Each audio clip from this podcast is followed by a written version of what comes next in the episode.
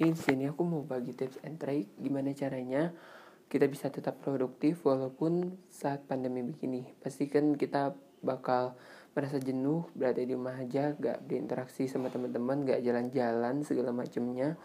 Sehingga kita pasti butuh yang namanya penyembuhan diri gitu.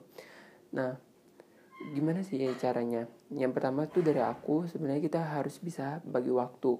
Bagi waktu itu nggak hanya untuk kegiatan-kegiatan yang emang kita ikutin, tapi juga waktu kita khusus untuk kesenangan kita seperti me time, misalkan mendengarkan lagu atau mungkin menulis blog atau mungkin menulis koras segala macamnya juga sempatkan untuk berinteraksi dengan keluarga supaya tidak merasa jenuh lah. Pastinya kan kita butuh orang yang bisa menjadi tempat buat ngobrol seperti itu.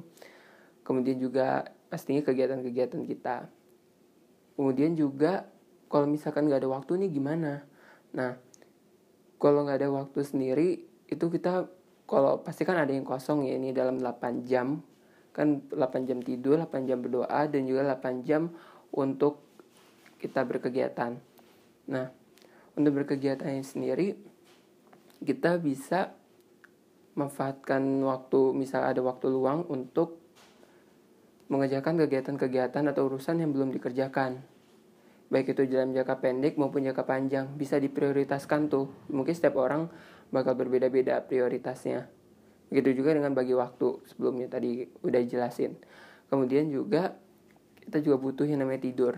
Tidur siang itu biasanya aku udah dijadwalin jam 11 siang tuh tidur bangun-bangun zuhur. Malah habis zuhur tuh gak tidur kayak lanjut aja ngejain urusan-urusan yang ada. Asalkan kualitas tidur kita baik. Pastikan kita bakal merasa mata kita lelah segala macamnya kan kalau kita lihat uh, gadget secara terus menerus gitu.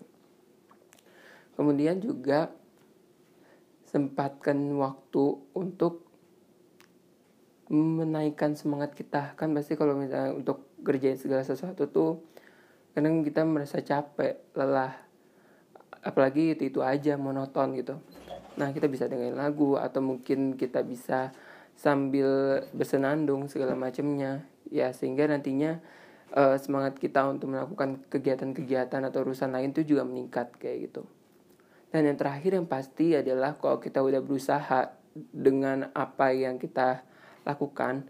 Itu kita bisa berdoa supaya segala urusannya ini cepat selesai dipermudah sehingga nantinya kita akan mendapatkan hasil yang terbaik dari Tuhan Yang Maha Esa seperti itu.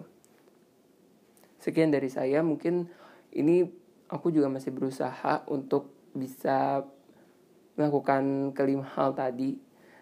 Dan memang teman-teman bisa juga melakukan tips and trick versi kalian sendiri tapi kalau misalkan belum bisa ya setidaknya apa yang aku katakan tadi minimal kalian ikutin untuk bisa menjadi pribadi yang lebih produktif dan juga lebih baik lagi daripada yang sebelumnya.